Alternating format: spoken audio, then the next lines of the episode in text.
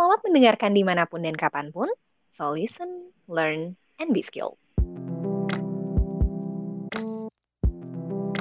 Halo Sobat Skilly, perkenalkan nama aku Adele yang akan menjadi host di Skilly Podcast kali ini dan kali ini temanya kita sekarang mulai ke arah F&B, ke arah yang teman-teman pasti gak asing lagi yaitu arah coffee nih yang lagi hype yaitu temanya The Coffee Industry is Changing. Can industry adapt in time? Nah, teman-teman pasti tahu banget nih, kopi lagi naik-naiknya bahkan nggak nggak sekarang sih, bahkan dari dulu-dulu juga udah mulai naik dan sekarang makin naik lagi dan menjadi kebagi jadi bagian dari kebutuhan orang-orang banyak sebagai lifestyle-nya. Nah, kali ini Kili Podcast kedatangan tamu spesial.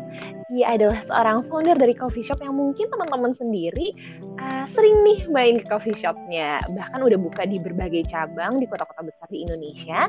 Langsung aku panggil aja. Halo Mas Rama, apa kabar Mas? Hai, halo semua. Halo. Kabar baik, sehat.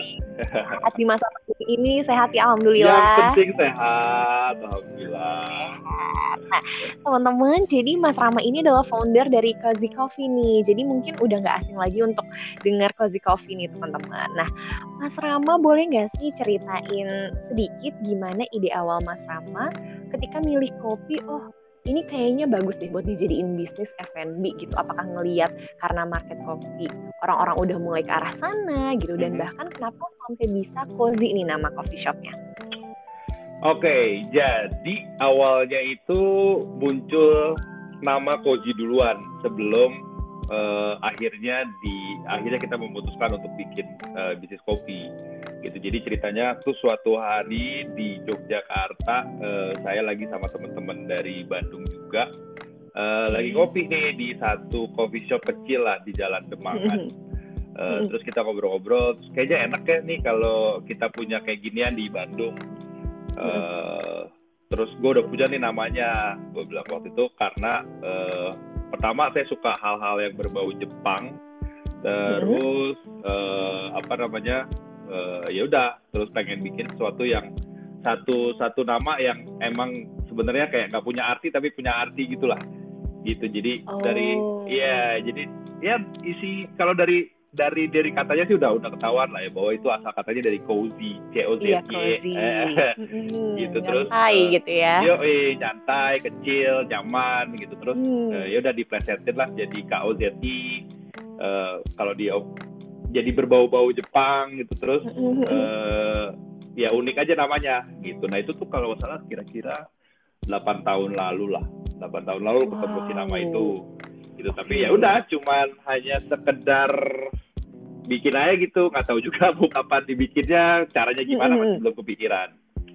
Gitu nah, nah terus hampir sekitar enam enam tahun lalu lah waktu eh, enam tahun lalu uh, berarti sekitar dua tahun setelah ketemu si namanya itu uh, saya tuh lagi emang lagi suka kopi. Waktu itu lagi suka kopi lagi suka ngopi lagi suka kopi hopping.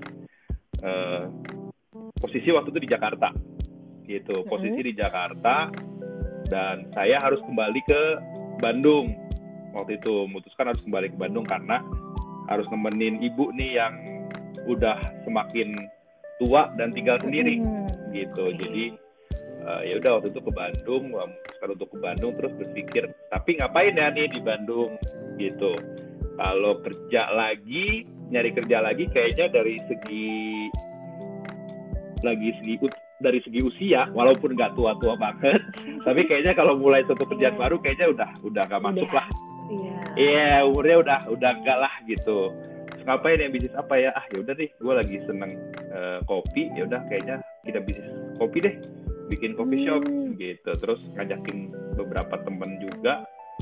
Terus mereka oke okay, uh, memutuskan oke okay deh kayaknya seru. Ya udah mulailah di situ dari uh, ya awal-awal tahun akhir tahun 2014 awal 2015 lah mulai kita seriusin. Oke, okay. di 2014 2015 tuh kopi udah hits gitu belum sih ya mas? Belum.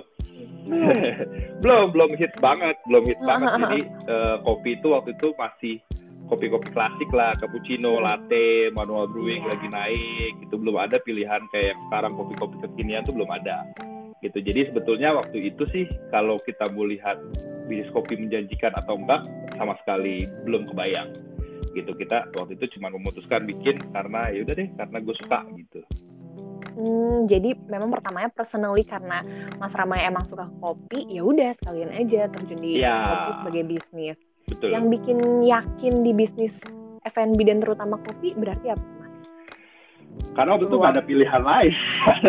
oh. karena iya, karena waktu itu benar-benar gak ada gak ada uh, istilahnya gini waktu itu tuh uh, saya umur berapa ya? Saya 30 something lah, nggak pernah selama selama itu udah pernah nyobain berbagai macam pekerjaan okay. dan belum ada satupun yang memang uh, passionate passionate saya gitu jadi emang pokoknya dari zaman dulu dari zaman SMA kuliah tuh saya yang nggak tahu mau ngapain nih mm. gitu gitu jadi emang ya udah ngikut aja kerja ini kerja itu kerja ini kerja mm. itu. Uh, gak ada passionnya lah gitu. Nah baru ketemu passionnya ini di kopi. Uh, uh, gitu. Di pesannya di kopi saya suka minum kopi saya suka bikin kopi saya suka bikinin orang kopi mm-hmm. gitu. Jadi ya udah waktu itu memutuskan benar-benar yakin karena memang karena passion aja. Oh, gitu nggak tahu nih bakal bisnisnya bakal gede bakal apa nggak oh. nggak pernah kebayang dan emang nggak nggak pernah ada kepikiran juga sih buat bikin ini jadi besar gitu ya pokoknya basicnya udah gitu karena passion basicnya karena passion. Nah, mm-hmm. kayaknya soalnya sekarang zaman sekarang orang udah mulai nih mau coba-coba gitu terjun di bisnis F&B gitu-gitu yeah. ya mas. Uh, mungkin ada apa ya cara atau tips buat teman-teman yang masih bingung dan meyakini mereka untuk bisa terjun ke bisnis ini gimana? Yang penting itu uh, jangan ikut bisnis karena ikut-ikutan. Yang hmm. pasti.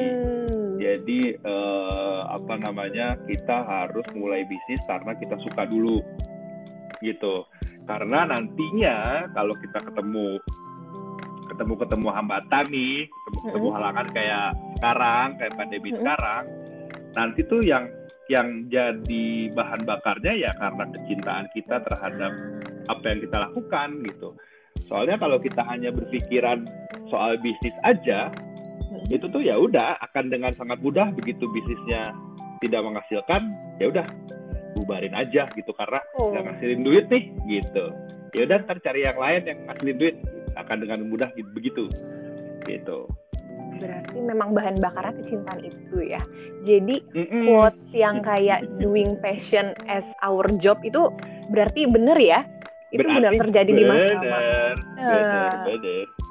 dan sampai titik ini berarti udah enam tahun yang lalu Mas Rama tidak regret untuk choosing passion as uh, jobnya ya berarti? Enggak. Enggak. Sama sekali enggak, iya. Nah, Mas Rama, sekarang kita balik ke masa pandemi kali ya. Ngelihat sekarang ya. pandemi kayak gini, orang-orang pastinya jadi cari banyak strategi nih buat survive gitu. Karena secara nggak langsung banyak yang ngalamin kerugian juga gitu. Dan Betul. Uh, salah satunya, kayak orang-orang tuh takut nih untuk pergi ke coffee shop gitu. Ya. Padahal itu kan ya gimana ya pada lagi ngehits-hitsnya terus tiba-tiba lockdown. Nah, ya. gimana nih Mas Rama menghadapi masa pandemi ini strategi apa biar tetap survive? Oke, okay, jadi yang paling utama waktu itu yang harus disadari adalah bahwa selama pandemi ini kita pasti akan rugi, gitu. Kita pasti akan rugi. Gitu. Uh, gak akan lah uh, sulit sekali untuk mendapatkan keuntungan. Mungkin hmm. ada beberapa beberapa bidang atau beberapa teman-teman yang ternyata di pandemi itu malah uh, dapat yang lebih besar justru dari saat normal. Tapi itu kan keadaan yang tidak umum lah istilahnya. Gitu. Yeah. Jadi secara umum ya itu tadi kita harus siap untuk uh, merugi gitu. Tapi mm. Uh, berarti kalau sudah tahu merugi, tapi kita harus bisa uh, apa namanya uh, preventif. Seberapa besar mm. nih kerugiannya gitu. Jadi ya udah kita kita udah tahu bakal rugi, yang kita lakukan adalah gimana caranya supaya ruginya nggak gede-gede amat. Oh. Pertama itu, mm -hmm. itu uh, pola pikirnya itu. Dan kedua, uh, kalau saya tuh dari ya itu tadi dari uh, dari awalnya passion, akhirnya menjadi tanggung jawab. Gitu. Jadi mm. punya tanggung jawab nih di kapalnya Cozy ini ada orang-orang yang uh, apa namanya menggantungkan hidupnya lah ya, uh, mencari hmm. pekerjaan di sini, mendapatkan pekerjaan dan uh, kita harus bisa menyelamatkan sebanyak mungkin sebanyak mungkin uh, si siapa namanya penumpang kapal kita hmm. Tapi di sisi lain kita juga harus tahu bahwa kayaknya nggak mungkin banget kalau harus menyelamatkan semua. Okay. gitu. Jadi memang ada beberapa yang ya terpaksa kita uh, let go. Let gitu. go. terpaksa kita let go sementara gitu. Karena ya kita nggak bisa ya secara real kita nggak bisa selamatin semua gitu. Tapi setidaknya kita bisa menyelamatkan semaksimal mungkin gitu. Jadi hmm. Ya udah pertama jadi mindsetnya itu gitu ya pertama kita harus siap rugi kedua kita punya tanggung jawab nih sama si uh, apa namanya penumpang kapal kita habis itu hmm. ya udah bikin strategi strateginya gitu supaya si ruginya ini tidak begitu besar sambil hmm. juga masih bisa kasih makan lah ke anak-anak kita hmm. gitu jadi salah satunya misalnya kita nih Kozi ini dari dulu sebetulnya uh, awal dari awal-awal buka aja tuh sangat sangat idealis terhadap kopi gitu. Jadi hmm. uh, kita kayak kalau nggak salah tiga bulan awal tidak surfing apa pun selain kopi bahkan teh pun enggak gitu. Uh, nah pada saat pandemi kemarin itu udah ya udah dilupakanlah semua idealisme segala macam. Kalau teman-teman ngelihat Instagramnya Kozi waktu pandemi itu jadi rumah makan gitu Iya, okay. jadi kita benar-benar kita ngelihat pasarnya wah dengan pasar kayak gini orang-orang lagi penghasilannya lagi nggak menentu keadaan lagi nggak menentu kayaknya kalau beli kopi tuh pilihan kedua atau ketiga deh gitu ya Iya, yeah, dan gitu. Yang tadinya emang tiap hari ngopi, sekarang tuh kayak, aduh, ntar deh uh, duitnya kita save dulu buat siapa tahu ntar begini, siapa tahu ntar begitu. Betul. Gitu. Jadi mereka saving untuk beli kopi gitu. Nah, kalau makanan pasti dong semua orang tetap butuh makanan. Itu sih udah pasti premier itu makanya kita ya udah tiba-tiba semua kita bikin kita bikin keluarin menu makanan banyak banget. Sampai ke frozen food sampai ke catering dan lain-lain. Jadi itu menu baru gitu ya mas? Menu baru menu yang benar-benar baru keluar yang kita bisa bikin secara frozen bisa kirim keluar kota jadi ya, gitu. cukup merubah ya cukup mengubah ini ya pandemi jadi yang tadi yeah. mungkin idealis di kopi-kopi aja tapi ngelihat market juga berarti Iya betul. Jadi uh, itu mengubah mengubah cara cara ini kita. Yang penting sih pada saat itu yaitu enggak rugi-rugi banget. Anak-anak kita masih bisa makan nah, dan survive betul. sampai keadaan mulai berangsur normal.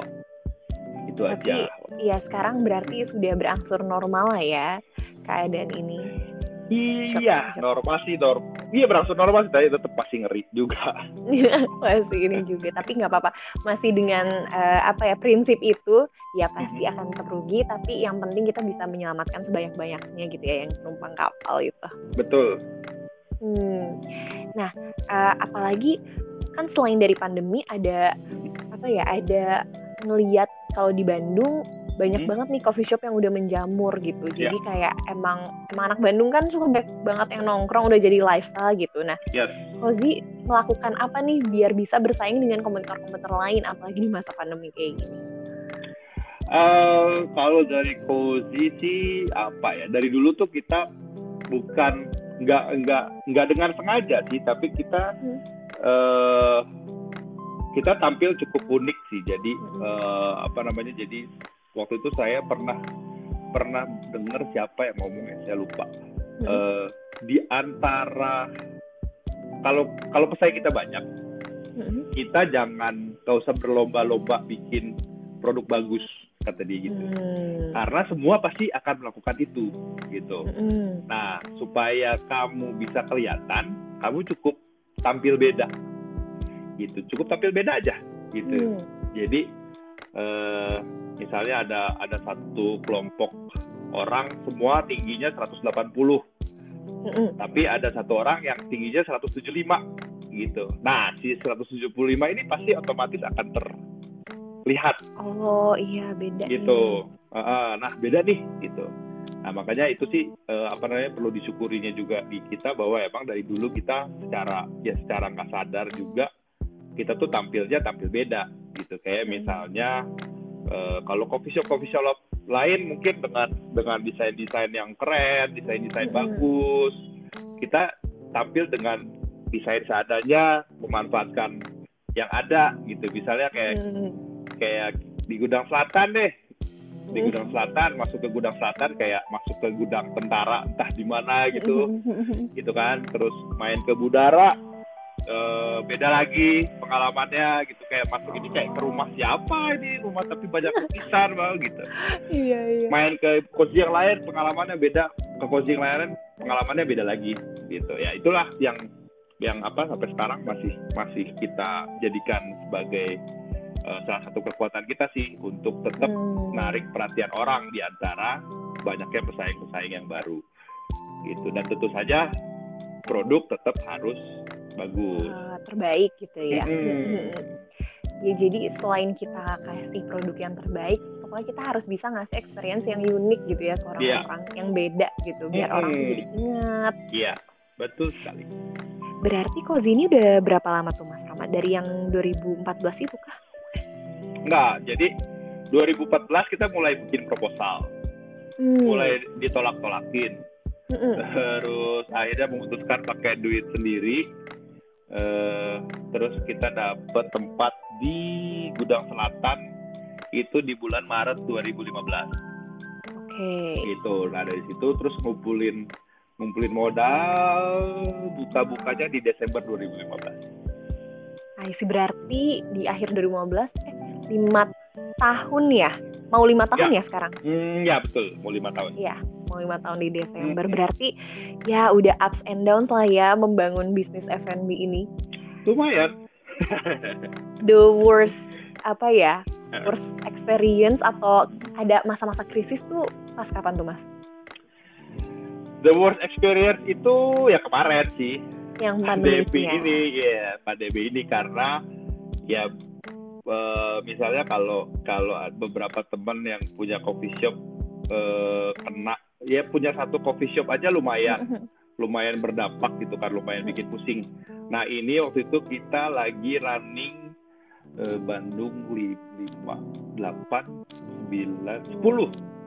Sepuluh? Uh, uh, lagi sepuluh sepuluh outlet kita running. Pada pada saat itu ya pusingnya dikali sepuluh.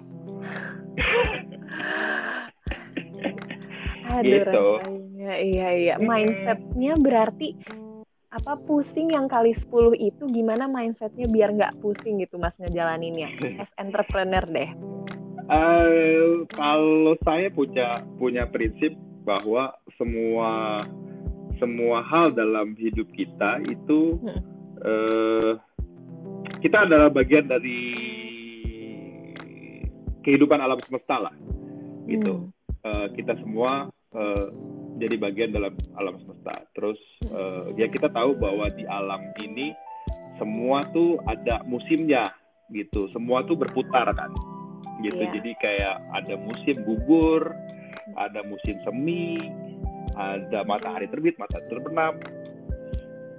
Kayak gitu-gitulah gitu. Jadi dalam bisnis pun dalam bisnis dan kehidupan pribadi pun semua pasti akan mengikuti hal itu gitu. Jadi misalnya kalau kemarin kita ibaratkan si apa namanya si pandemi ini musim gugur ya udah ya udah memang saatnya musim gugur. Ntar juga akan ada saatnya musim semi gitu. Itu tuh sudah sudah pasti gitu. Justru sudah pasti tidak perlu diragukan lagi gitu. Jadi ya udah kemarin walaupun pusing ya nikmatin aja. Uh, emang lagi musimnya gitu. Lagi musimnya untuk berguguran untuk pusing tapi nanti akan ada saatnya kita uh, apa namanya berkembang lagi. Gitu. jadi ya udah santai sih. Walaupun wow. saat itu pusing ya tapi ya santai. Iya iya iya. Oke oke ya udah gak apa-apa kali 10 nanti juga, eh, eh, uh, juga. akan kali 10 juga bersemi yeah. gitu kan ya. Betul. hmm ya mindset yang kayak gini sih yang emang harus dibutuhin. Kayak kayak tadi tuh berarti ya emang akan ngalamin kerugian. Ya gimana biar iya, iya, mau gimana lagi. aja mau gimana lagi gitu. Iya. Hmm. toh bukan kita sendiri juga itu seluruh dunia begitu. Iya sih bener. Iya iya iya ya kadang kita suka mikirnya aduh kayaknya cuma kita deh yang kayak gini. Semua rugi gitu ya di masa-masa iya. ini I see. Oke, okay. Pak Mas Rama seru banget sih bisa dengar cerita-cerita, uh, insight-insight gitu. Apalagi buat teman-teman uh, skill ini yang pada mau biasanya kan zaman-zaman sekarang tuh ya Mas, lagi kayak pengen buka-buka usaha kayak gitu, tapi nggak mm -hmm. yakin gitu. Jadi sebenarnya tadi kayak Mas Rama ceritain, asal passionate, asal itu passionnya nggak apa-apa, dibuat aja toh itu kecintaan kita sendiri bisa balik lagi gitu karena kecintaannya gitu ya. Iya. Dan ketika ada krisis-krisis, ada masalah-masalah, ingatlah itu hanyalah musim-musim yang akan berlalu gitu. Nanti akan kembali lagi seperti semula berkembang lagi gitu. Oke, itu berarti tadi obrolan sama Mas Rama tentang bisnis F&B khususnya coffee shop dan ya mungkin teman-teman sekali bisa mendapat inspirasi yang banyak nih pastinya dari Mas Rama gitu. Thank you banget Mas Rama udah mau meluangkan waktunya nih buat sharing-sharing sama sobat Skilly sama aku juga gitu. Jadi teman-teman semua dengarkan terus Skilly Podcast di mana pun dan kapan pun. So listen, learn, and be skilled.